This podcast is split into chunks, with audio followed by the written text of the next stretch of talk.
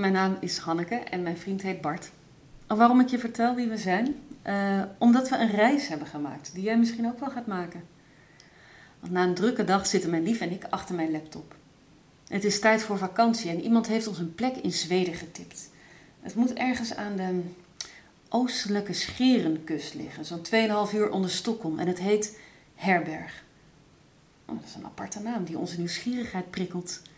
En het vinden van de website is onze reis feitelijk al begonnen. De sfeervolle foto's, het verhaal achter Herberg en de persoonlijke benadering via een vragenluis. Nou, die overtuigen dat we deze uitdaging niet kunnen laten liggen. Dit is zoiets anders dan we gewend zijn. Dit is eigenlijk anders dan dat we ooit hebben gedaan. De autorit gaat via Duitsland, een korte veerdienst naar Denemarken en daarna over de bridge. Dat is de beroemde brug uit de gelijknamige televisieserie. En Zweden openbaart zich. Het is een bosrijk, schoon en rustiek land. De stress en drukte die lijken hier geen voet aan de grond te krijgen. Zo verademing. De ruim 1300 kilometer tussen Nederland en onze bestemming die zijn geen straf. Onderweg genieten we van een gastvrije B&B en enkele bijzondere pitstops bij mensen die zich op hun eigen creatieve manier ook inzetten voor mens en natuur. Dat waren suggesties van Anne en Hendrik, de initiatiefnemers van Herberg. Nou, zo'n mooie service. Na anderhalve reisdag verlaten we het asfalt. En we volgen een kronkelend weggetje tussen de indrukwekkende bomen van Sankt Anna. Onze raampjes staan al geruime tijd wijd open. We ademen frisse lucht in en ik hoor de lokroep van verschillende vogels. Een kwartiertje later bereiken we Herberg. De plek van onze cabin is bij de reservering al aangegeven. De warme aankleding van ons huisje voor de komende week, dat geeft zo'n welkom gevoel. En dat wordt ook nog eens benadrukt door het lokale welkomstdrankje. Ja, dat staat op tafel op ons te wachten. Ik zak meteen onderuit in een luie stoel. En Bart, die vindt de hangmat.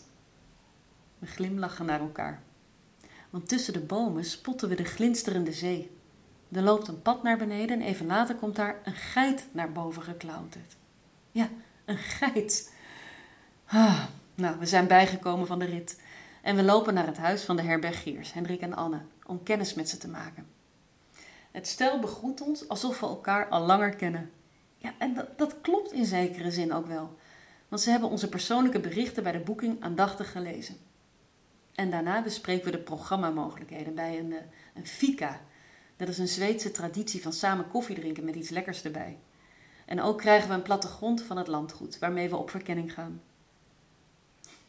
Verderop staat het Community House.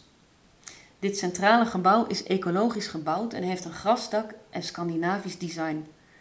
Binnen vinden we een vintage inrichting. Oh, hierop had ik me eigenlijk het meest verheugd. Ja, Bart is meer van de klassieke meubels, maar goed, dat vergeef ik hem. Ja, we wonen ook niet samen. Maar goed, um, er hangt tuingereedschap dat je uitdaagt om in het voedselbos te gaan werken. Ja, dat lijkt me wel iets. En al ben ik niet zo'n wereldverbeteraar, fysiek bezig zijn, dat is wel aan mij besteed. Ja, Bart neigt wel naar een soort idealisme. Ja, vooral wat betreft aandacht voor de natuur en persoonlijke ontwikkeling. Nou, die komt zeker aan zijn trekken. Herberg is een verblijfplaats. Ja, maar het is vooral een plek waar je in jezelf op ontdekkingstocht kunt gaan. Je kunt een uh, sauna-ritueel volgen, yoga doen, meditatie, één op één coaching. En, en ons belangrijkste bespreekpunt voor vertrek was: jij kan het jou doen en ik het mijne. Want Herberg die biedt beide richtingen. Ja, dus ik ga lekker morgen ecologisch meebouwen, heb ik besloten. Daarna met de schoffel naar het voedselbos. Daarna met de schoffel naar het voedselbos. Ja, en, dan, en dan zie ik wel welke klusjes zich deze week aandienen. Ja, want er zijn er dus voldoende. Er is voldoende om ook samen te doen. Bijvoorbeeld zweten in een traditionele sauna aan de waterkant. Of kanoën, suppen met een fluisterbootje op zee. Nou ja, goed. Ik denk dat ik nu maar ga slapen. En de week die gaat echt verdomd snel voorbij. Ja, we leren andere gasten kennen bij het kampvuur. We schuiven aan bij de plantaardige maaltijden van Hendrik en Anna. En we vinden het nog lekker ook.